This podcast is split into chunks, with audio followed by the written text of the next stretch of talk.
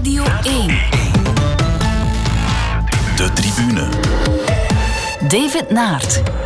Hallo en uh, welkom in de maandagse aflevering van de Tribune. We nemen deze podcast op net bij de start van de vierde wedstrijddag van het EK voetbal. Dat EK komt natuurlijk ruimschoots aan bod, maar er is nog veel meer, want we hebben eigenlijk toch wel een uh, topweek achter de rug. Met Belgisch goud op het WK judo, twee keer brons op het EK hockey.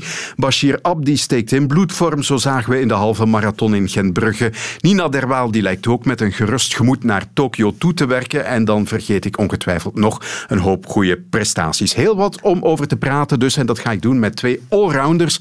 Dag Tom Boudewil, collega bij Sportza. Dag David. En dag Hans van de Wegen, sportjournalist bij De Morgen. Goedenavond. Hans, blij dat de lange sportzomer, waar we zo lang naartoe geleefd hebben, eindelijk begonnen is. Hij is eigenlijk al begonnen met de Giro. Hè.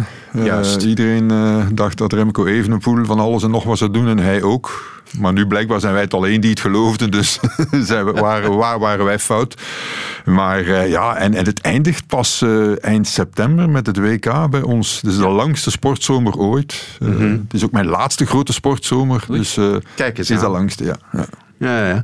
Uh, jullie gaan volgende maand ook allebei naar Tokio, naar de Olympische Spelen. Dan moet de voorbije week zeker de moeite geweest zijn met wat je allemaal hebt gezien. Ik heb het allemaal kunnen volgen, ja. ja, ja. Het is de moeite waard, maar of het heel veel zegt over wat het in Tokio zal zijn, daar stel ik mij misschien wel vragen bij. Dat mag je dan uh, verderop in deze podcast uitleggen. Tom, we kennen jou in de eerste plaats van het voetbal. Je hebt uh, afgelopen zaterdag nog commentaar gegeven op de radio bij België-Rusland. Slaag je erin om tijdens het EK toch als Olympier dan uh, de rest van de sportieve actualiteit uh, te volgen? Het is uh, heel moeilijk, dat moet ik toegeven. Ik ben eigenlijk al maanden in zomermodus. Dat betekent, ja, mijn legendarische fiches hou ik al maanden bij. Um, maar nu, zeker met al die wedstrijden, zeker met het reizen ook, um, het, het, onregelmatige ritme, is het heel moeilijk om alles te volgen. Ik ben een Twitterbeest, dus een beetje verslaafd, allee, een beetje veel verslaafd. Daar zie je het wel vaak passeren, maar het nadeel is dan dat je vaak de duiding en dergelijke mist. Dus dat moet ik nog inhalen. Ja, ja. Dus het is echt wel heel moeilijk om als inderdaad allrounder echt alles nog te volgen. Ja, maar desondanks gaan we je daar toch over aan het woord laten. Dankjewel. Het zal voor jou ook wel een verademing zijn om zeker, het eens niet zeker. alleen over de Rode Duivels te hebben. Eerst de momenten van de week. En het is opvallend, jullie hebben allebei gekozen voor een moment uit het voorbije tennistoernooi van Roland Garros. Oh. Eerst de keuze van Hans.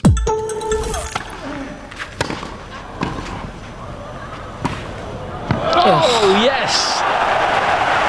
Novak will be wondering how on earth he lost that point. Oh, oh no! What a point from Djokovic. Oh. oh, I don't think you need to encourage them. oh! Beautifully placed. Oh, no! How on earth did he win that point?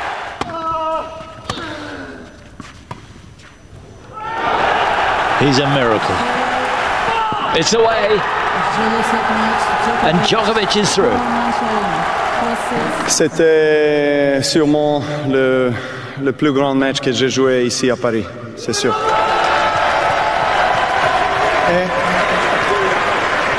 aussi, euh, aussi le match avec euh, la plus belle, euh, plus belle atmosphère, ambiance, et plus belle énergie.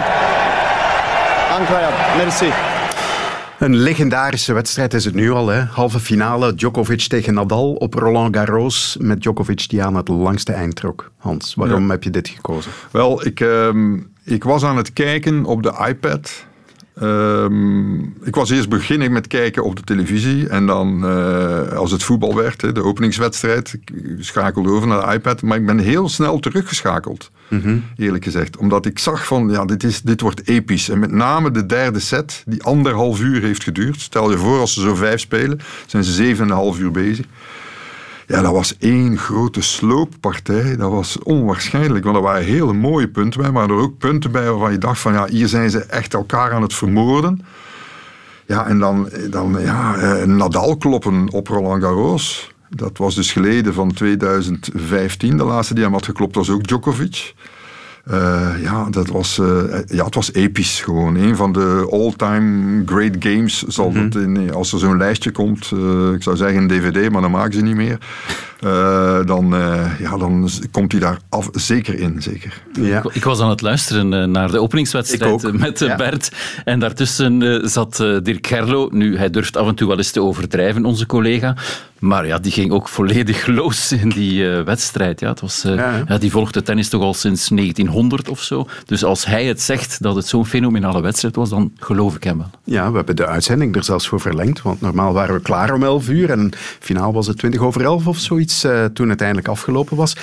nu, nu wat blijkt, um, Djokovic wint Roland Garros. Die oudjes, die blijven toch bijzonder moeilijk van de troon te stoten. Ja, ik denk dat ze uh, allemaal uh, verschrikkelijk gezond leven. Um, en niet het, soort toerisme met een racket zoals tennis uh, 30 jaar geleden was of, of zelfs 20 jaar geleden was. ik zei nog, als McEnroe tegen Nadal of tegen Djokovic zou spelen, hij had geen punten. Dat was natuurlijk, die had een fantastische touch, maar die verplaatsingssnelheid van die jongens van vandaag. Mm en, en dit bewijst eigenlijk ook dat je op 35 jaar niet versleten bent. Uh, het komt erop aan gezond te blijven. Het komt erop aan je goed te verzorgen, goed te eten, zeer goed te trainen, juist te trainen. En vooral, ja, het, het is een mindfucker, hè, tennis. Dus je moet mentaal verschrikkelijk sterk zijn om dat spel te spelen. Want wat Djokovic daar heeft gedaan, ik dacht op een bepaald moment van ja, die is aan het kraken. Fysiek kan die, en die toch herpakt hij zich altijd weer. En dan, en dan ineens zie je Nadal in een paar spelletjes uh, slaat hij helemaal in een knoop en is het ineens afgelopen. Dat was echt kraken en mentaal gewoon opgeven. Ja, uh, Nadal en Federer, 20 Grand Slam titels elk. Um, Djokovic staat nu op 19, straks Wimbledon. Zult er 20 worden in juli al? Ik hoop 21. Federer. Ik ben een Federer-man. Federer is, is de fluidity. Al bijna 40, hè? Ja, ik weet het, maar dat zou fenomenaal zijn. Als dat nog zou kunnen, dat is echt... Dat is echt maar geloof je erin? Tennis. Ja, als de anderen een beetje minder zijn, geloof ik erin. Ik denk niet dat Federer nog uh, ja, niet die service heeft om, om uh, genoeg aces te slaan.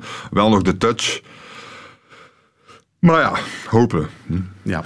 Maar uh, ja, ik volg tennis niet echt heel dicht. Maar heeft het te maken ook met dat die toppers, vooral de Grand Slams, daarop mikken? Want in de kleinere toernooien, denk ik, zie je die minder. Dat ze daardoor misschien langer kunnen uh, spelen? Heeft dat er weer te maken? Uh, er is natuurlijk wel heel veel uh, door de ATP en door de spelersvakbond destijds heel veel geijverd om minder en minder toernooien te moeten spelen. Alleen maar de grote toernooien. En daar heeft natuurlijk mee te maken dat die belasting veel minder groot is. Wat dat betreft zouden kunnen de voetballers daar wel wat van leren. Hè? Als je ja. ziet dat er zijn die 6600 minuten gespeeld hebben al dit jaar. Ja, dan dat, dat kan natuurlijk niet. Hè? Ik bedoel, zo, zo ga je nooit tot je 37ste voetballen. Dat is duidelijk. Ja. Tom, ook jouw moment komt uit dat toernooi van Roland Garros. Het komt van gisteren, zondag, meteen na de mannenfinale, waarin Novak Djokovic dus won van uh, Stefanos Tsitsipas. That's a pretty nice souvenir. Number 19, the racket goes to that guy. Can't believe it. wow. He spoke down. Uh, well, I don't know the boy, but um, he was in my ear the entire match, basically, especially when I was two sets to Ulov down. He was encouraging me. He was, he was actually giving me tactics as well. He was like, hold your serve, get an easy first ball, and then dictate, uh, go to his backhand. Like, he was coaching me, literally. Uh, and, and so I thought, I found that very, very cute and very nice. And, uh, um, so, you know, I, I, felt like it was, uh, the, the, the, it, it, you know, to give the racket to, to, to the best best person was him uh, after the match. So that was kind of my gratitude for him sticking with me and supporting me. Ja, hij schonk zijn racket weg hm? aan een jongen in het publiek. Ja, dat, uh, ja het filmpje heb ik gezien. Uh, en ik vond het, uh, ja, hoe ouder je wordt, behalve Hans dan, word je meer emotioneel. um, en ja, dat pakte mij zo. Het deed me ook denken aan, ik denk vorig jaar, dat Ruud Vormer ook zijn truitje geeft aan een jongetje met zijn vader. Ja, en die is helemaal van de kaart. Ze pakken elkaar ook vast van, ja, dit is ongelooflijk. Ik heb hier een truitje van Ruud Vormer. En dit is hetzelfde. Die jongen krijgt plots de, het racket waarmee hij dus eh, het toernooi wint, de Grand Slam wint. Ja, en ja, je moet het zeker eens opzoeken. Dat jongetje gaat volledig, is, is volledig het noorden kwijt. Die blijft maar hyperventileren, als het ware. Zo zag het er wel uit. Ja, en die pakte dan ik, misschien zijn broer vast die naast hem stond, dan een vader, een, een moeder. Dus sport is emotie en het, het, het gaf mij nog maar eens ja, de indruk dat ja, die mannen zijn gewoon helden voor kinderen, voor, voor volwassenen. Het deed me ook denken aan, en als ik dan een persoonlijk verhaal mag vertellen, ik ging eh, met mijn ouders naar Brugge, gewoon een citytripje, en we parkeerden de auto in de stad en ik stap uit, achteraan dus, ik doe de deur open en de voordeur waar we voor staan, daar hangt een bordje en daar staat op Philippe van de Wallen en zijn vrouw. Ik dacht van, shit, Philippe van de Wallen.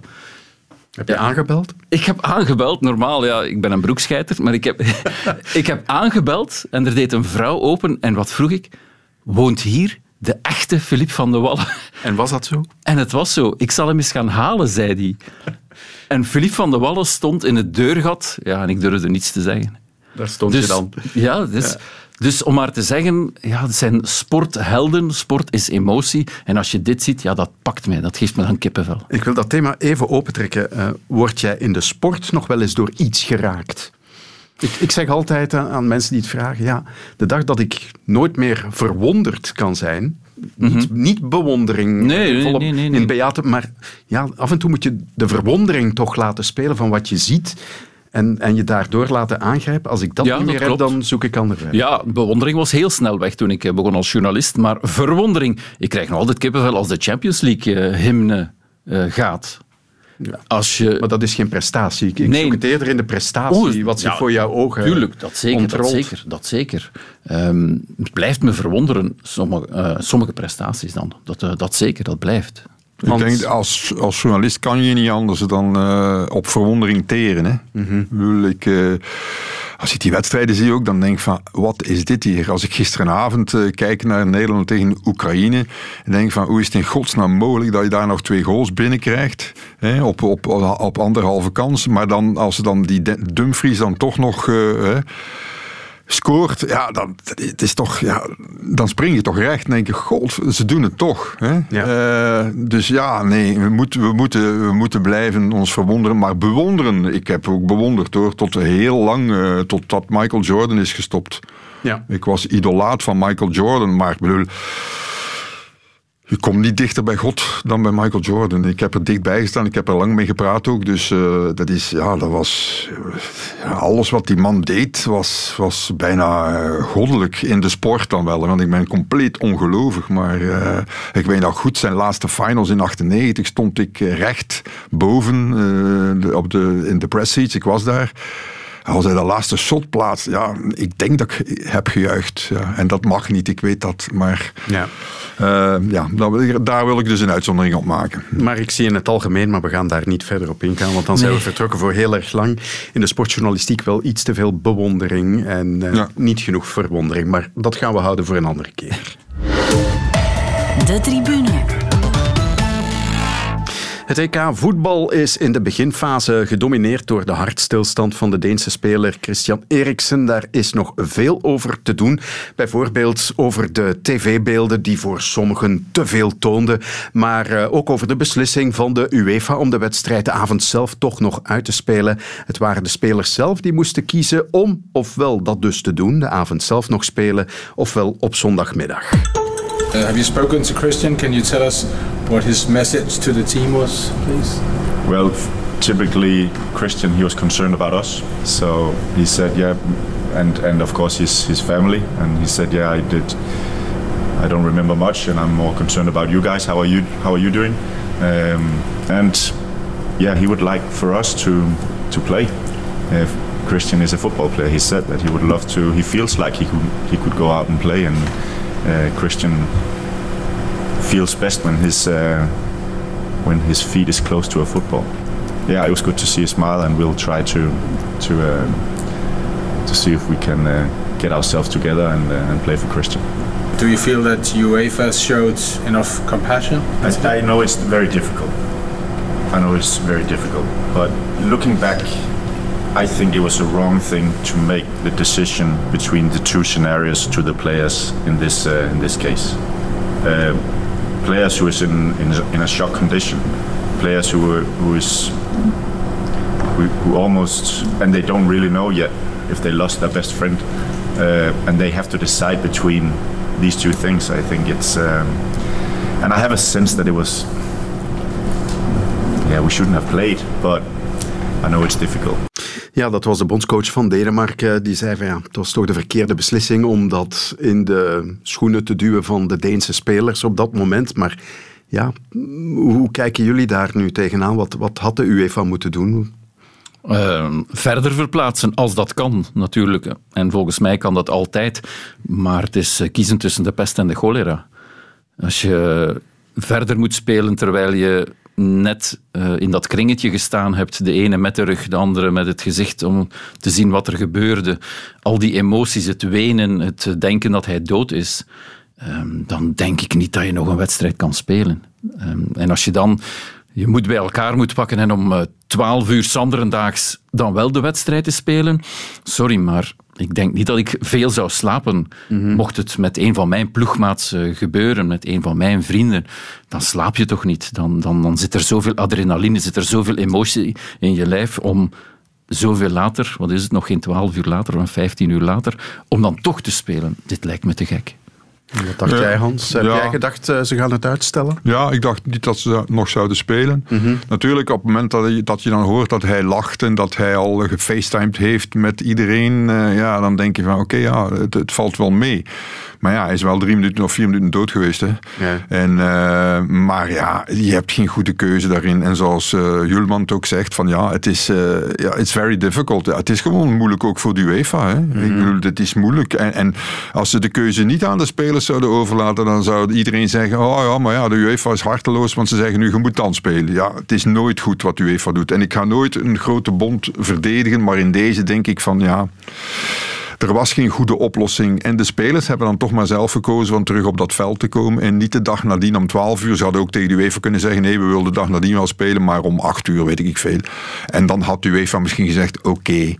Uh, maar daar is ook geen voorstel gekomen. Ja, ik weet het, ze zijn getraumatiseerd. En dat zal waarschijnlijk ook donderdag nog zo zijn. Dat was mijn volgende vraag. Ja. Hoe zouden die nu aankijken tegen die wedstrijd tegen België? Die zijn, zullen weinig zin hebben om, om, om vol, voluit te gaan, denk ik. Tenzij dat ze allemaal contact hebben gehad. Misschien zijn ze allemaal bij Christian Eriksen geweest. Misschien, Christian Eriksen heeft al gezegd dat hij in het stadion zou willen zitten. Dat kan, hè? Dat kan, hè? Als de dokters hem vrijgeven. Uh, hij kan... Ja... Ja, ze zeggen, we gaan het doen voor Christian. Maar ja, dat is makkelijker gezegd dan gedaan, vrees ik. Om uh, al die emotie en, en, en om dan nog een stapje extra te zetten, ja, ik weet het niet. Ja, en ze hebben dan ook nog eens die wedstrijd verloren tegen ook Finland, God beter. Maar ja, ja. Het, is er nog van moeten eigenlijk. Hè? Ja, we hebben, uh, we hebben contact gehad uh, toen het uh, gebeurde, omdat de Rode Duivels toen speelden die dag. Ja, we hebben veel scenario's bedacht. Van, hè, ja, ik vroeg mij af of die Belgen nog wel gingen spelen. Voilà, uh, of die wedstrijd zou kunnen doorgaan. Uh, uh, Tot dan het ja, goede nieuws kwam ja. dat hij in leven was. Ja, dus um, ik weet ook niet. Ik heb het gisteren gevraagd aan Roberto Martinez. Ja, we, we gaan samen spelen voor Christian. dat is wel makkelijk gezegd. Maar ik denk dat het ook voor de Rode Duivels... Het zal dus wel minder moeilijk zijn voor de Rode Duivels dan voor de Denen. Daar ga ik nu wel van uit. En de Rode Duivels die zullen wel hun focus behouden, want het ook, was ook wel inderdaad niet makkelijk voor een Vertongen, voor een Lukaku. Um, maar ja, één keer dat het fluitsignaal gaat, zit je in die wedstrijd en wil je gewoon winnen voor jezelf en voor het team. Uh, maar nu ze tegen elkaar spelen, we hadden ook het scenario van misschien stapt Denemarken uit het toernooi. Dat was ook een van de scenario's. Dus ik ben benieuwd uh, hoe het uh, zal aflopen. Ja. Uh, en Christian Eriksen, hoe moet het nu verder met hem? Stoppen met voetballen, ja, zo snel mogelijk. Dat denk ik ook. Ik denk niet dat daar uh, nog discussie over is. Er zijn wel cardiologen die heel goed zijn in het uh, verzorgen van een publiciteit die dan in de krant roepen. Ja, maar ik heb er al zoveel gered van de topsport. Wel, ik heb er één gekend. Ik ga zijn naam niet noemen. En toen een andere cardioloog zijn, um, zijn elektrocardiogram zag en alle andere uitslagen, vroeg hij aan mij, want hij kende de voetballer niet, heeft Huppeltepup al ooit een keer een hartinfarct gehad? Ik zei niet dat ik weet, toch wel zit, hij heeft er al minstens al twee gehad. En die heeft nog lang gespeeld bij ons in België. Die heeft ook in het buitenland gespeeld. Dus trouwens in het buitenland ook afgekeurd. Maar goed, in Italië. Dus ik bedoel, ja, nee, nee niet, niet doen. Uh, verschrikkelijk. Mijn ICD in het lichaam. Dat is die top, defibrillator. Ja, ja dus ja. die defibrillator in het lichaam. Uh, topsport gaan doen is een, uh, ja, ik heb beelden gezien ook van gasten die neervallen, die dan ineens een soort elektroshock krijgen van binnenuit het lichaam. Lijkt nergens op. Ja, dus, Anthony van Loo heeft het zo Gruwelijk. Gehad. Ja, het ja, ja. is echt vies om het te zien gewoon. En die heeft het uiteindelijk dan toch ook voor bekeken ja, tuurlijk, gehouden. Tuurlijk. Hè? Maar, maar niet iedereen uh, maakt die keuze. Hè? Daily Blind bijvoorbeeld nee. uh, bij Oranje, wat was het, denk eind 2019, mm -hmm. is uh, die defibrillator ingeplant. Bij hem is preventief wel gebeurd. Hè? Okay. Dus hij heeft nooit zoiets meegemaakt ja. in die zin dat hij echt drie minuten dood was bijvoorbeeld. Hè? Maar, maar, dus maar dat, dat, toestel heeft wel al een keer gefunctioneerd tijdens een wedstrijd. hè? En, en, dat was dan schrikken. En wat Eriksen is overkomen, dat liet ook Daily Blind zelf gisteren niet onberoerd. Zo vertelde hij na de wedstrijd tegen Oekraïne. Ja, gisteravond heeft uh, heel veel impact op mij, gehad persoonlijk. Uh, buiten dat, uh, dat ik Chris goed ken als vriend. Uh, en ja, de situatie voor hem natuurlijk verschrikkelijk is. Heb ik zelf het een en ander ook in die hoek meegemaakt. En ehm, ja, ik heb vandaag echt wel voor mezelf een, een mentale hoorde moeten overwinnen om te gaan spelen. En uh, ja, daar had ik wel, wel moeite mee. De, sinds gisteravond en vandaag. En uh, ik ben trots dat ik het gedaan heb. En uh, ja, dan komt uiteindelijk de, de emotie eruit. Ja, trots en emotioneel, maar griezelig toch, hè? Ja, en uh, zeker voor hem. Uh, wat hij vertelt ook. Hij kwam ook al wenend uh, van het terrein, het terrein als hij, toen hij vervangen werd. Dus ja, het moet echt een rollercoaster aan emoties zijn voor hem. Ja. Heel, heel, heel moeilijk, denk ik. Het is niet... Kijk, je kan een slechte knie hebben en dan kan de dokter zeggen hier mag je niet meer mee voetballen. Ga je terug voetballen, heb je weer pijn. Maar dit is een hart, hè. Ja. Als dit echt kapot gaat, en soms gaat het zo kapot, dat het niet meer te repareren is, ook niet door de defibrillator ja, daar zou ik toch niet mee. Uh, ik zou daar toch geen verdere topsport mee doen, eerlijk ja. gezegd. En de vaststelling is ook, ondanks alle intense screenings die er zijn, ja, die kunnen nu eenmaal ook niet alles opsporen. Ik heb destijds uh, mij daarin verdiept, uh, samen met de cardiologen van de UCI. En die hebben in 2003 hebben die een artikel geschreven in de European Heart Journal. En daar kwam het er eigenlijk op neer. Ze hadden toen 46 uithoudingssporters. En voetbal is inmiddels een uithoudingssport ook geworden eigenlijk gevolgd. En daar waren er veel met problemen. Er zijn er acht van gestorven in die periode. En alle acht, al acht waren toevallig wielrenners. Hè.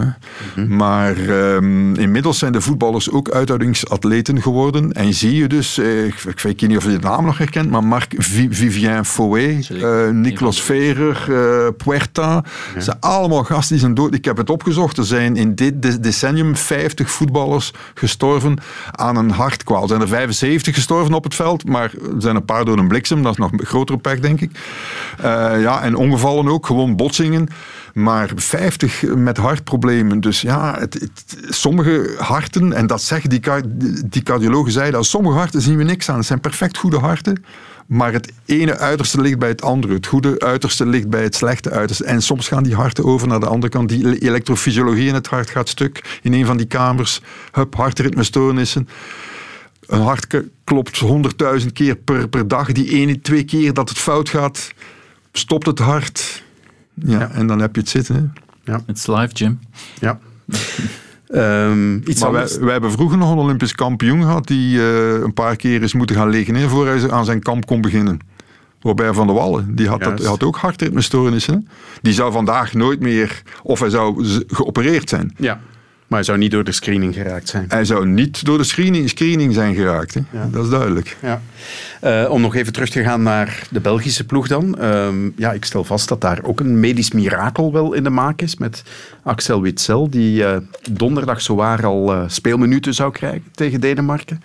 En wat is het? Nog geen vijf maanden na zijn gescheurde Achillespees. Nee, dat klopt. Uh, we weten natuurlijk niet, en dat is nog nergens verschenen, denk ik, was ze nu volledig af, zijn Achillespees, of was het een gedeeltelijke... Het is wel verschenen, hè, Tom? Ja. Het is een partiële ruptuur, is er altijd gezegd. En ze hing nog vast, wat een heel verschil volgens daarom, orthopeden ja. Ja, maakt. Dat, dat ging ik zeggen. Er is, er is een verschil tussen volledig af en ik ga niks uh, tekort doen aan de inspanningen van Axel Witsel.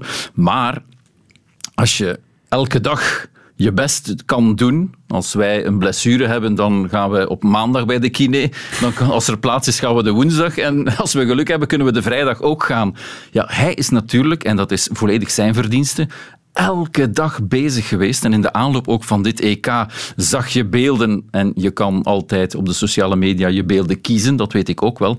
Maar ja, hij is elke dag bezig geweest. En dat was al redelijk eh, dicht bij het EK. Heel intensief ook. Het draaien, het keren, het passen, het uh, in duel gaan. Dus daar kon je eigenlijk al zien dat hij heel ver stond en dat hij het EK eh, e zou meemaken. En dan lijkt me een wedstrijd tegen Denemarken en Finland, ook voor de anderen die geblesseerd waren, lijkt me dan het ideale moment om geleidelijk aan te brengen. Zeker omdat je op een EK, net zoals in de competitie, vijf wissels mag doen. Mm dat lijkt me dan uh, heel interessant. Maar alle credits voor Axel Witsel, want we kunnen nu wel zeggen, ja, ja, het is allemaal makkelijk, maar hij moet het natuurlijk wel doen. Mm -hmm. Hans, ben je het eens met ja, ja, en het, het herstellend vermogen van Witzel zal heel erg groot zijn. Hè. Bij de ene is dat groter dan bij de andere. Mm -hmm. Maar het was gedeeltelijk afgescheurd. Zijn vader heeft dat van in het begin gezegd. Het is erg, maar niet super erg. Tenminste, niet het ergste. Uh, en je zag ook, de, normaal schiet die kuit helemaal naar boven omdat hij loskomt van, van, van het hielbeen eigenlijk. En uh, dat was bij hem dus niet... Maar hij had wel pijn, hè. En normaal is de pijn eigenlijk ook zelfs korter als ze helemaal afscheurt dan als ze gedeeltelijk is afgescheurd. En dat zag je bij hem ook, hij had veel meer pijn. Dus uh, ik denk dat het, ja, hij heeft geluk gehad bij een, een, een, een groot ongeluk. Maar zijn herstellend vermogen, zijn atletisch vermogen, dat is daaraan gekoppeld, is natuurlijk heel erg groot. Hè? Maar goed dus om hem donderdag ook al te brengen. Jazeker, allemaal moeten ze maar een keer uh, minuten gaan maken. En ze maken al minuten. Ja, de Bruine zou ik misschien eventueel nog, die kan nog eventjes wachten. Ik bedoel, die heeft zoveel conditie en dat kan niet weg zijn. Hij kan dat met trainen onderhouden en dan is dat oog nog een beetje meer gerecupereerd. Dus... Uh, die is niet echt nodig, denk ik. Ja, en Eden Hazard die mag nu echt wel zijn minuten gaan maken. Uh, ja. Zou ik, een, zou ik een, een, hele helft al een keer laten spelen. Hè?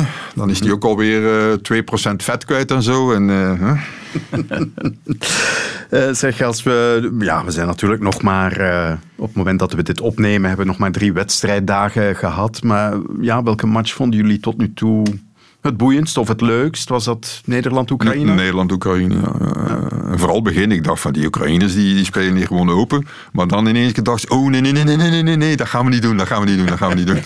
en dan zijn ze beginnen ver, verdedigen en dan was Nederland, ja...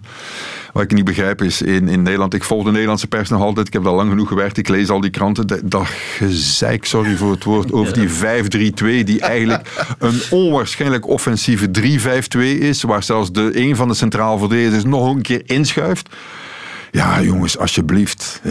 laat het uit. Het is echt een de meest off offensieve ploeg die ik heb gezien van heel het toernooi. En daar gaan ze dan over zeuren dat er geen buitenspelers zijn. Ja, ze zijn, ze zijn wel buitenspelers, alleen ze beginnen in het middenveld. Hè. En ze hebben ook nog gescoord. Dus ja.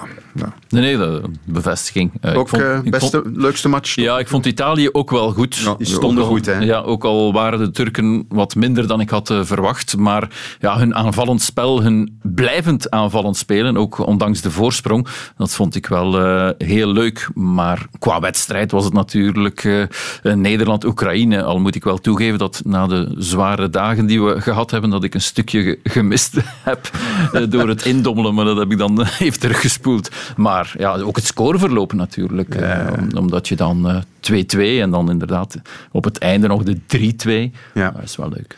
Maar over een dikke week gaan we uh, zeggen wat we nu ook al weten. Die hele groepsfase is eigenlijk maar opwarming hè, voor de toplanden. Tuurlijk. Met het format van dit toernooi. Ja, ja maar er gaat toch altijd wel een topland uh, sneuvelen hè, ergens. Ja, uh, niet in onze met poelen. Portugal, Frankrijk, ja. Duitsland bestaat dat risico. Ja.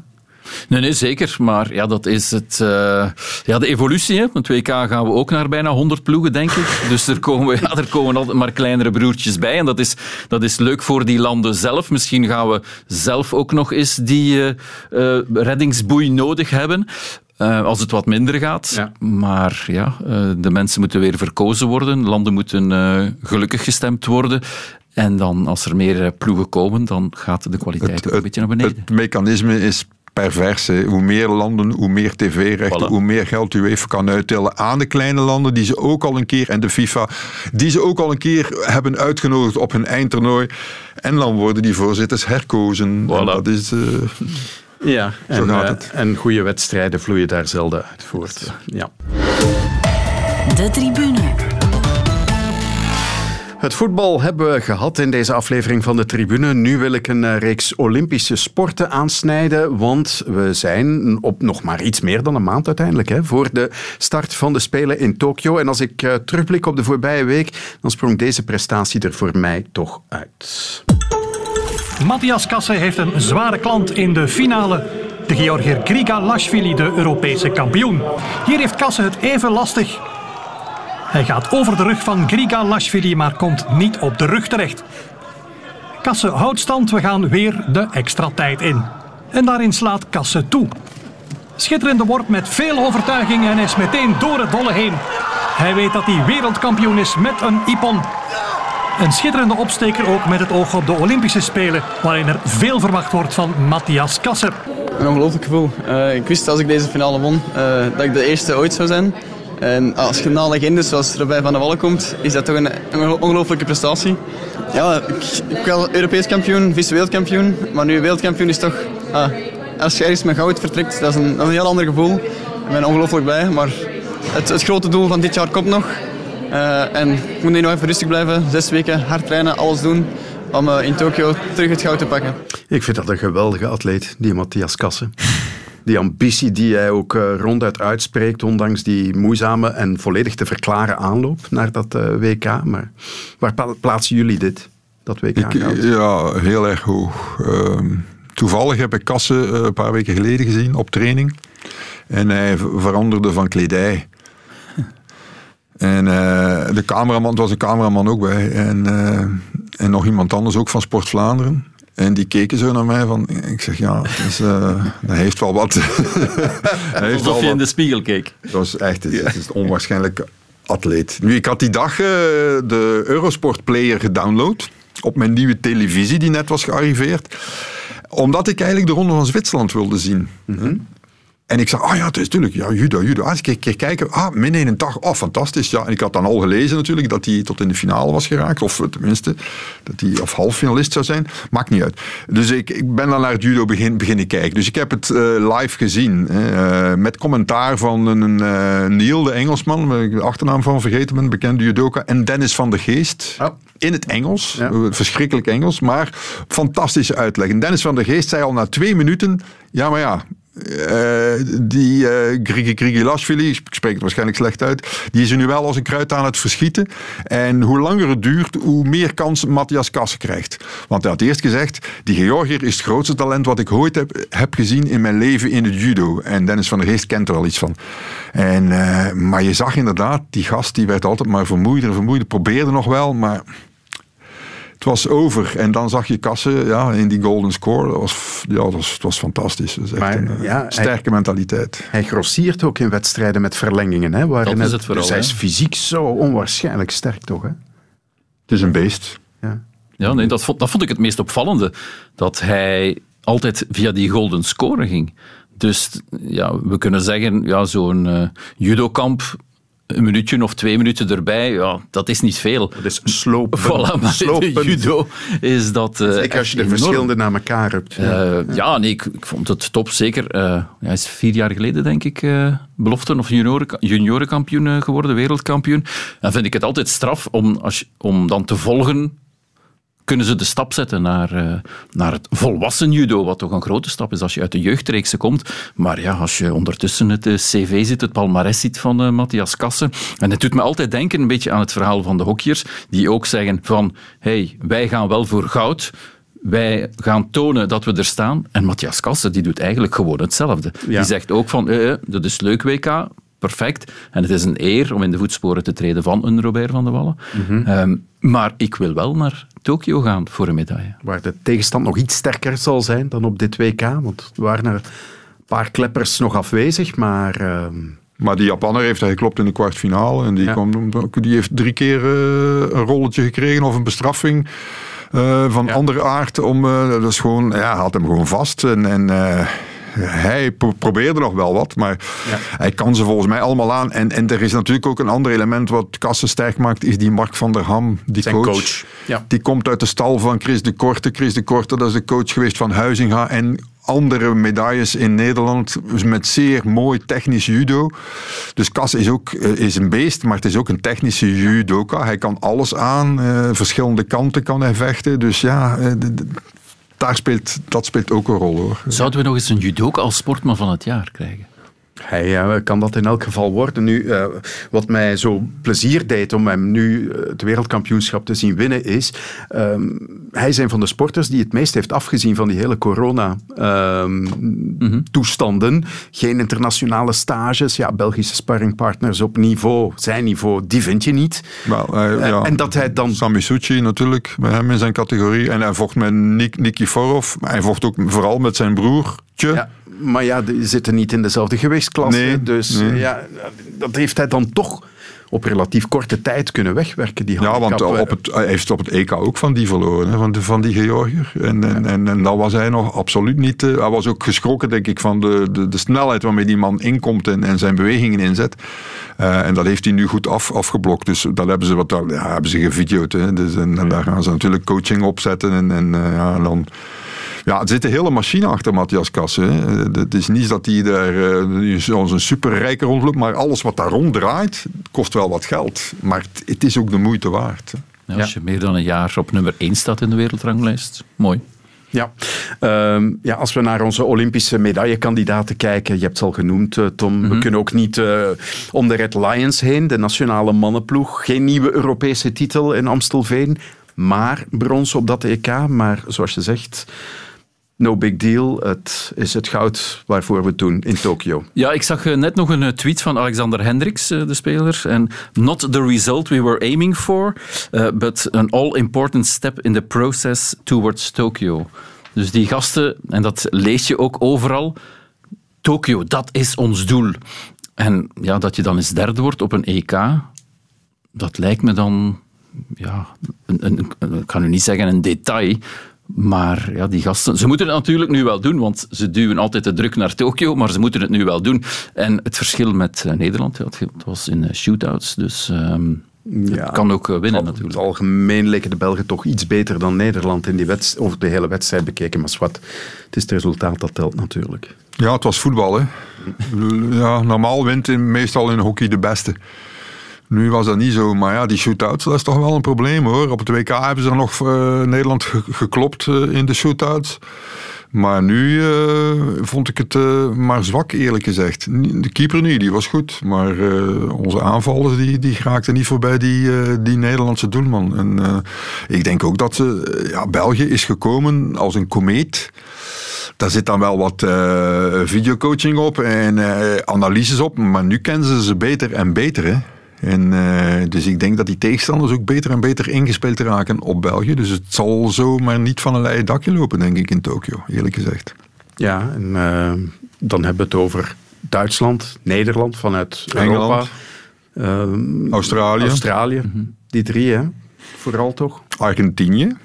Ja, het hebben- zwarte beest hebben ze van eh, verloren, Rio. hè? Ja. Ja, Eh, maar ja, het is dus geen uitgemaakte zaak, dat is duidelijk. Goud, het is allemaal goed en wel om ervoor te gaan, maar kan, Nee, nee, maar kan zo keren. Of? Ik weet het, David, maar jij bent ook al lang met Olympische Spelen bezig. Eh, hoe vaak eh, hebben wij gehad dat we, we zeiden van ja, eh, we hebben grote kans dat we goud winnen, maar het zou kunnen gebeuren dat we niet winnen. Vroeger was het, we hebben misschien een kans op top 8 en als we heel veel geluk hebben en, en de anderen zijn een beetje kreupel en wij zijn een beetje beter, dan gaan we misschien een medaille pakken. Dat was toch lang, lang onze insteek. En Ja, dat zeker. is nu wel veranderd. Ja. Godzijdank zou ik zeggen dat je nu een generatie hebt van sporters die uit- uitgesproken zijn in hun ambitie. Eh, want ik wou bij Kassen nog zeggen van eh, vroeger zouden we dat een on-Belgische uitspraak hebben genoemd, maar niet meer bij deze generatie van sporters. Nee, zeker ook niet bij het hockey. Dat is al jaren. eh, allee, ze zijn inderdaad gekomen als een komeet. Maar ook als je ziet wat er rond het hockey, ja, ook de videocoaching en al dat soort dingen, ja, dat was een voorloper. De, hockeyploeg is op vele vlakken ook met eh, het destijds topsportlab, met het, het, het, het data genereren, kijken, ja, wie moeten we er nu afnemen, want die zit in het rood. Ja, wat, wat het voetbal nu gebruikt, heeft de, heeft de hockey geïntroduceerd. En je moet ook een naam geven. Ze hebben een goede generatie gehad, maar nu komen er ook jonge gasten bij. Dus ze hebben ook gekeken naar die B-Gold-generatie. En, en uh, het is misschien het voorbeeld voor, voor ploegsporten om echt te investeren in, in, in jeugdspelers en zo de doorstroming, wat uiteindelijk nu wel het geval is. Mm -hmm. uh, Marco Dron, de voorzitter van de Hockeybond, ik denk in het laatste nieuws vandaag, zei hij ja, de mannen hebben eigenlijk maar aan 70, 80 procent van hun mogelijkheden gespeeld. Zou dat kloppen? In spelsport vind ik dat moeilijk, eerlijk ja. gezegd, om dat zomaar te zeggen. Ja. Want 70, 80 procent, dan moet je dan nog een keer 20, 30 bij doen. Waar ga je die halen? Conditioneel? Zijn die dan, hebben die dan niet getaperd of zo naar dat toernooi? Ik weet het niet. Uh, in elk geval is het uh, verontrustend? Nee. Is het geruststellend? Ook niet. Het kan alle kanten uit in uh, mm -hmm. simpel ja, in Tokio. Heeft het te maken met spelplays? Kan ook dat ze al hun tactische vondsten of tactische richtlijnen niet allemaal hebben uh, dat ook gebruikt ja. om wel te gebruiken in Tokio. Want zoals het in het uh, judo flink gevideoed wordt, is dat net het, uh, hetzelfde in, uh, in het hockey natuurlijk. Dat is ja. zoals in het voetbal. Iedereen kent iedereen ondertussen, omdat er zoveel wedstrijden worden bekeken en alle spelers individueel worden geanalyseerd, maar ook de teamplays worden uh, geanalyseerd. Dus misschien hebben ze nog wat uh, achtergehouden. Ik weet de, de vrouwenploeg, om het uh, hockeythema af te ronden, die pakte een bronzen medaille opnieuw. Het is niet voor het eerst, maar zouden die nu eindelijk vertrokken zijn? Geen idee. nee, dat, nee, dat ja, zal op het volgende WK moeten ja, blijken. Dat, dan. Dus, dus dat ze hebben natuurlijk nog wel uh, stappen te zetten. En ze zijn ook met een, een nieuwe ploeg uh, jongeren ook uh, begonnen. Het is wel bemoedigend dat ze, dat ze brons maar, halen. Daar is veel vooruitgang te maken in de vrouwensport. Meer sowieso. dan in de mannensport. Hè. Dus ik denk dat ze, als ze daar goed op inzetten, moet dat lukken. En dan gaan al die spelers ook naar Nederland gaan hockeyen. En dan worden ze nog beter. Ja, oké. Okay. De tribune. En mijn gasten vandaag zijn Hans van de Wegen en Tom Boudeweel. Bashir Abdi bereidt zich minutieus voor op de Olympische marathon in Sapporo. Zondag liep hij een sterke halve marathon in Gentbrugge. 1 uur en 30 seconden. Dat is 20 seconden beter dan zijn vorige persoonlijke record. En hij bleef maar 12 seconden verwijderd van het Belgisch record van Mohamed Mourid. Bashir Abdi, de halve marathon zit erop. Jouw laatste wedstrijd voor de Olympische Spelen. Hoe is het verlopen? Ja, het is heel goed verlopen. Alleen uh, wist ik niet dat ik uh, zo dicht bij Belgische record was. Maar uh, al bij al ben ik heel tevreden met deze laatste testwedstrijd. Zat je met veel twijfels voor deze wedstrijd? Ja, eigenlijk wel. Dus, de 10 kilometer vorige week was oké. Okay, maar ik had het gevoel van, wat gaat het zijn? Nu is het een stuk langer. Nu is het twee keer langer dan de wedstrijd vorige week. daarom durfde ik ook niet echt veel uit te gaan. Uh, maar die twijfel is dus absoluut nu volledig weg. Uh, nu uh, kijk ik enorm uit, vooral om de uh, volgende vijf weken heel goed te trainen. En heel goed te trainen en tegelijkertijd gezond te blijven. Ja, het coronavirus heeft hij al gehad in maart. Was hij blijkbaar ook redelijk ziek wel van. Maar ja, die steekt toch ook in bloedvorm, die Bashir Abdi? Ja, maar... Te vroeg? Er zijn daar nog wel anderen in Tokio die ook rap lopen. Hè. Het is waar. En die 59 lopen op de, op de halve. Hè. Dus uh, ik bedoel, ja, hij, hij zegt het trouwens zelf ook. Hè. In principe zijn er 5, 6 sneller dan ik. En dan, uh, dan loopt hij uh, een Olympisch diploma. Maar goed, als het een beetje tegengaat en hij is ijzersterk qua mentaliteit.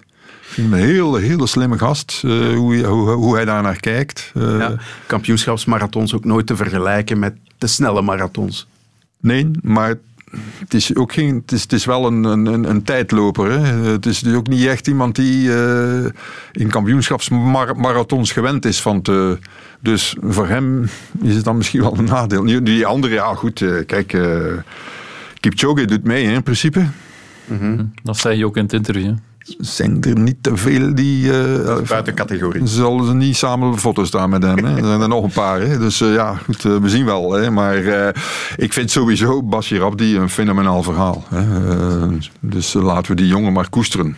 En wat vind je er fenomenaal Uh, eerst en vooral zijn, zijn Nederlands. Daar zit een klein accent op, maar je moet eens luisteren hoe hij eh, zinnen formuleert en praat en hoe hij antwoordt. Ja, eigenlijk wel. Dat is, zo, dat zijn, dat, dat is toch gewoon vlotte spreektaal. En dat is niet een jongetje dat op zijn achtste naar hier kwam en, en, en, en timide was en niks kon. Nee, die heeft waarschijnlijk die taal verschrikkelijk snel opgepikt. Maar hij is ook als, heeft hij zich als atleet ontwikkeld. is een soort self-made atleet. Hè? Natuurlijk, hij heeft zijn, zijn roots en zijn genen, hè, die hij, als hij op Ledenberg was geboren, eh, een blanken op Ledenberg, dan had hij die niet gehad. Hè. Dat is vrij duidelijk. Maar dat maakt het eigenlijk geen verschil uit. Uh, Bashir Abdi is een Gentenaar en we gaan hem koesteren en we zullen ervoor juichen. Alleen Sapporo zal voor mij een beetje te ver zijn om te gaan kijken. Nee, dat klopt. En voor Tom ook te ver, denk ik. Want jij Ja. zult ook in Tokio zitten. Zeker, maar eh, ik heb ook een aantal eh, zaken gedaan met Bert Misplon, zijn beste vriend eh, van eh, Bashir in het Gentse, waar ze heel veel dingen doen voor eh, het sociale, eh, voor de minder bedeelden. En ja, die gasten zijn gewoon super. Het hart is zo groot, misschien dat hij daarom zo hard kan lopen. Maar nee, zijn hart is zo groot. Het is een super fijne man. En zoals Hans ook zegt, hoe hij zich ontwikkeld heeft als mens in onze maatschappij, maar ook als atleet. Ja, loopt hij daar eventjes het minimum van de 10 kilometer. Ja, vond, ik in dan, Birmingham. vond ik dan zo jammer dat Mo Farah, waar iedereen dan, ah, hij moet het gaan doen voor Tokio, en dan loopt hij sneller dan Mo Farah. Dus ja, en dan ook de beelden. Mocht die... ook wel een keer gaan gebeuren. ja, eh, hoe hij dan ook eh, de beelden van, ik zie hem nog op stage daar in, in Afrika, waar hij onder een regenpijp, dat is mijn douche. Afrikaanse ja, douche, Een ja. Afrikaanse douche onder een regenpijp, dan, ja, ik vind hij een fenomenale gast. Ja, eh, het is allemaal misschien wat onder de radar gebleven, maar ik vond dat er heel wat opvallende Belgische prestaties in de atletiek waren. Eh, de voorbije week, Elise van der Elst loopt daar eh, in Firenze op de Diamond League, Belgisch record op de 1500 meter. Bijna, wat was het, 2,5 seconden eraf. Dus ja, het komt ook niet van nergens. Hè. Ze is Europese indoorkampioene, maar eh Debiani, ook Belgisch eh, record op de 1500 meter. Die Elliot Crestant, die een 800 meter loopt, 1,45. En de, ja, bij eentje. gebrek aan haast Ja. de tweede ronde solo moet afwerken. Ja, dat oogt mooi. Het- Oké, ik moet daar niet weet ik veel wat van gaan verwachten in Tokio, maar ik vind het wel leuk om te zien dat ze de manier waarop ze lopen en dat die records ook sneuvelen. Dat is altijd een goed teken wel. Dat is iets wat je al een paar jaar ziet, dat het eh, het algemeen niveau verhoogt. En als je daar nu goed mee kan werken, en ik denk dat ze bij Sport Vlaanderen redelijk goed bezig zijn nu, er is ook toch redelijk wat geld, kan, zal nog altijd beter kunnen natuurlijk. Eh, hallo, minister Wijts, een beetje beter. Maar eh, ja, je ziet dat het niveau eh, hoger is. En ook de Ook aan ambitie... Franstalige kant, hè? Want Ja, het, eh, de ambitie Van der Elst, eh, wordt uitgesproken. Ja, Ja. Gewoon van, ja, we gaan het doen. Ehm, en dat is, dat is zeer, dat is toch wel on-Belgisch hoor. De- de- dat het maar, en dat is nog maar van de laatste vijf jaar dat we het zien. Maar ik heb, dacht ik, eh, wanneer was het? Eh, ja, de periode tussen het jaar 2015 is het eerste jaar dat België verschrikkelijk goed heeft gescoord. In de tussenliggende EK's en WK's eh, in de aanloop naar de Olympische Spelen. En dan zag je van, ah, hier zit eh, een evolutie in. En die evolutie is stijgende. Die was heel lang dalen en die is op zijn dieptepunt geweest. Weet je wanneer? In Londen 2012. Ook geen toeval dat we daar twee medailles hebben gewonnen, waarvan één met slapend schieten. ja, maar dat was echt het absolute dieptepunt van de, van de Belgische sport, was 2012. En sindsdien zijn we aan het stijgen. Wij veel sneller dan ehm, Wallonië, maar de Franstaligen stijgen nu ook in hun prestaties. En wij trekken ook mee de nationale ploegen, want dat is een nieuw fenomeen. Wij zijn ook ineens een land van ploegsport geworden. Dat hebben we eigenlijk nooit gehad. hè. Ik bedoel, eh, 68 keer volleybal op het WK geweest en dat was alles. En dan nog een keer hockey in 76, dacht ik. Maar verder, ploegsport. Ja, paarden, eh, vier paarden. Als dat ook al een ploeg is. Maar nu ineens, ja, Belgian Cats, eh, de Belgische volleybalvrouwen hebben daar hebben, hebben Fantastische China geklopt. eh, Hammers nu? Ja, en, eh, eh, basketbal 3 tegen 3, die zich als amateurs toch plaatsen. Ja, maar dat is, ja, dat denk niet dat Niet dat... altijd. Ja. denk als je daar... Ja, nee, maar ik denk als je daar... eh, nee. eh, Ik vond het een beetje een rare kwalificatieformule. Zo, eh, plots mochten de, de landen die ja, de voorbije Olympische Spelen niet in het basketbal, gewone basketbal dan, niet uh, mochten meedoen, ja, die kregen dan in Debrecen dan nog een kans om erbij te zijn. Maar het is, is wel een heel bizar verhaal natuurlijk als uh, amateurs. Als je dat, als alle pleintjes van New York hebben, hebben, hebben, drie spelers die gewoon veel beter zijn dan. Maar ja, dat maakt niet uit, ze gaan en ik zal er eens naar gaan kijken. Het is, er is één zo één street park, eh, competitiepark of zo. Ik heb het opgegeven, want we, zoals je wel weet, moeten we alles opgeven waar we heen gaan natuurlijk. Hè. Dus, ja. uh, in het Jappenkamp waar we gaan moeten verblijven. En uh, ik heb het opgegeven dat ik daar een keer naartoe wil. Dus waarschijnlijk krijg ik dan een of andere Japanse die mijn hand vasthoudt tot, om tot daar te geraken en om dan toch geen Japanners te besmetten. Hè. Ja. Mag, mag ik nog een naam toevoegen? Norvits die heeft het ook prima gedaan. Ja, en die mag misschien ook wel naar, naar Tokio. Dus. Nee, dus dat, is, heel leuk om uh, te zien. Um, Nina Derwaal, daar wil ik het ook nog even over hebben. Eindelijk is uh, weer een competitie uh, gekomen, want het EK hebben ze niet gedaan. Maar uh, afgelopen weekend was ze aan de slag op de Wereldbeker in Osijek, in Kroatië, mm -hmm. is dat hè? Ja. onder meer op haar brug met ongelijke leggers. Ik denk vooral dat het nu een kwestie is van heel veel herhalen. Ik weet nu dat ik die oefening kan. Ik weet dat ik daar vertrouwen in mag hebben in die oefening. Dus nu gaat het echt nog een kwestie zijn van heel veel oefeningen te doen. En echt ja, proberen gaan naar die finesse, naar die uitvoering, naar die perfectie toe. Dat jaar heeft mij ook gewoon echt heel veel deugd gedaan. Ik voel mij nu fysiek beter dan dat ik mij voelde een jaar geleden. Mentaal Ja, mentaal sowieso ook. En ik ben gewoon nog een jaar gegroeid, een jaartje ouder geworden, een jaartje meer ervaring. Ik heb met heel veel situaties leren omgaan, nu met heel flexibel leren opstellen. En dat is ook wel iets wat wij sowieso gaat helpen richting de Spelen toe. Die klinkt heel zelfverzekerd ook, Nina Derwaal. Um, zou er niks blijven hangen zijn van de hele commotie rond de gymnastiek? Nee, dat denk ik niet. Maar um, wat ze zegt dat het goed is voor haar dat een jaar later is, daar ben ik het niet helemaal mee eens, zo eerlijk gezegd. Want, Waarom niet? Wel, omdat je hoort dat er uh, zowel in Amerika als in China zelfs in Engeland, uh, dat ze toch bezig zijn met andere oefeningen. Dus als, als ze met deze moeilijkheidsgraad gaat, vrees ik dat ze absoluut perfect zal moeten turnen, dat de andere steken gaan moeten laten vallen, terwijl ze vroeger met haar oefening gewoon boven de rest uitkwam. Hè. Dus, maar die Franse coaches kennende, denk dat ze nog bezig zijn met iets anders ook, eerlijk gezegd. Ik denk, ik kan me niet inbeelden, die zijn zo gepokt en gemazeld op dat internationaal niveau, dat die heel goed weten, als wij hier alles laten zien, gaan de anderen nog proberen boven gaan. Dus we gaan niks laten zien. We gaan een basisoefening laten zien, maar waarschijnlijk gaan ze daar nog iets tussen steken. Of is daar al een keer iets tussen gestoken? En als ik het goed begrijp, is daar, uh, is daar wel al iets uh, gedaan.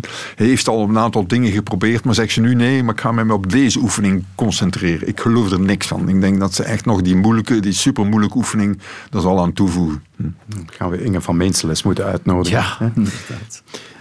Um, hebben jullie zin om naar Tokio te gaan? Tom, Tom. Moet ik eerlijk zijn? um, ik zou zeggen, nee, minder alleszins dan de voorbije drie edities die ik heb mogen meemaken. En dat heeft niet te maken met het feit dat ik het beu ben. Maar ja, alle omstandigheden, alle regeltjes, ik denk, ja, die veranderen om de drie dagen, denk ik dan. Dus daar probeer ik nog niet uh, te veel aan te denken. Maar als ik nu zie ook uh, in de EK-bubbel met testen om de twee dagen, alle papieren, administratie, al dat soort dingen. En als ik dan hoor bijvoorbeeld wat voor mij de Olympische Spelen net leuk maakt, is dat je op een uh, vrij moment van een paar uur, dat je even bijvoorbeeld naar het waterpolo kan gaan kijken, omdat ik dat vroeger met de Gentse en met MZV Eeklo, de, de derbies, ging ik daar soms naar kijken, maar ja, dat is gewoon een andere sport. Mm -hmm. Als ik naar het handbal ga kijken hier in België, ja, dat is een andere sport dan Denemarken tegen Frankrijk op de Olympische Spelen. En daarvoor ga je, en als we daarnet over verwondering eh, praten, ja, dat is verwondering. Als je ziet van, man, wat een beren, hoe hard het handbal is, hoe hard het waterpolo is, wat een sfeer uh, in de bal kan als je soms beelden ziet met Bengaals vuur in een zwembad. Ja, dat is toch al te gek. Dus ja, als dat niet mag, dat zou ik dan absoluut heel jammer vinden. Ook uh, interviews van op afstand, allemaal die ja. regeltjes. Dat gaat het plezier wel een beetje wegwerken. Maar ik ga wel met plezier weer, wat mijn rol wordt, de kleinere sporten en het slapend schieten, bijvoorbeeld. het zal nu rechtstaand slapend schieten zijn. Uh, becommentariëren, uh, want dat is nog altijd heel leuk. Hans? Ja, ik heb al een keer gezegd van had ik het geweten, dan had ik niet do doorgezet. Maar het is, ja, het is toch iets van, het is een rit die ik wil afmaken. Hè. Ik bedoel, ja, Parijs zal ik er misschien ook nog wel een accreditatie hebben, maar ik zal niet meer aan verslaggeving doen.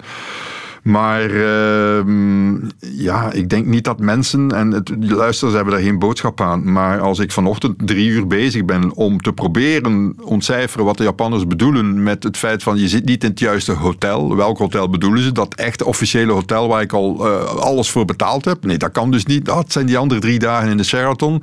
Ja, wat moet ik dan doen? Heb ik weer een mail moeten sturen? Dan heb ik weer moeten zoeken hoe ik moest inloggen op 87 verschillende sites met allemaal verschillende paswoorden paswoorden. Ze moeten ook allemaal verschillende nummers hebben van mij, registratienummers. Dan vragen ze identificatienummer. Dan moet ik weer mailen, wat is dat? Ah, maar de nummer, nummer op je paspoort natuurlijk. Ah ja, maar schrijf dan op paspoortnummer. Ik bedoel, drie uur ben je daarmee bezig. En dan vraag ik mij af, wat gaat het zijn in Japan? Ik, heb, ik ben drie keer in Japan geweest voor een WK zwemmen, in WK volleybal. En, en atletiek in Osaka. En Osaka was nog het, tegen het lijf laatste. Ja, ja, ja. het laatste. Maar dat verliep vrij vlot, uh, Osaka. Maar um, het WK volleybal, dat weet ik nog. Uh, daar kon je dus, uh, mocht je niet met je koffie naar de persbank. Maar ik liep voorbij de Japaner. Ik zei van, I'm gonna stay here six hours. Want ja, Nederland speelde en daarna nog in dezelfde pool. Ik was een Nederlandse journalist, dus ik moest daar naartoe. I'm gonna take my coffee anyway. En die Japaner zei, oké. Dus ik ging mijn koffie. De dag nadien vroeg hij dat terug. Ik zeg, oké, uh, oké, okay, zei hij. En de derde dag begon hij al te lachen toen hij zei, no, no coffee. Ik zei, I'm gonna take it anyway. En hij lachte. Maar ik vrees dat, het nu, ik vrees dat ik nu in de gevangenis zal belanden, eerlijk gezegd. En ze zeggen het ook, hè. Ze zeggen het ook, hè. Dat bij de, als er echt een overtreding is op de regels, dat je accreditatie gewoon wordt afgetrokken. En dat deed al in Barcelona destijds. En dat het gedaan is, hè. Dat ik dan terug kan met mijn Lufthansa vliegtuigje vroeger dan verwacht. Hè. Ja. We wensen het je niet toe, maar uh, oh, ja, vooral op de hoogte van wat uh, je daar allemaal overkomt. Hans van de Wegen, Tom Boudeweel, bedankt dat jullie er waren. Uh, denk eraan, tijdens het EK voetbal kun je elke ochtend naar onze speciale podcast, de EK-tribune, luisteren. En daarin blikt Jonathan met de penningen met twee gasten terug op de voorbije wedstrijddag. Ideaal dus om je dag mee te beginnen. En de volgende, tussen aanhalingstekens, gewone aflevering van de tribune is er volgende week pas op dinsdag. Dat is op 22 juni, want op maandagavond, Tom, spelen de Rode Duivels. Ah. Ja. Bedankt om te luisteren en tot de volgende keer.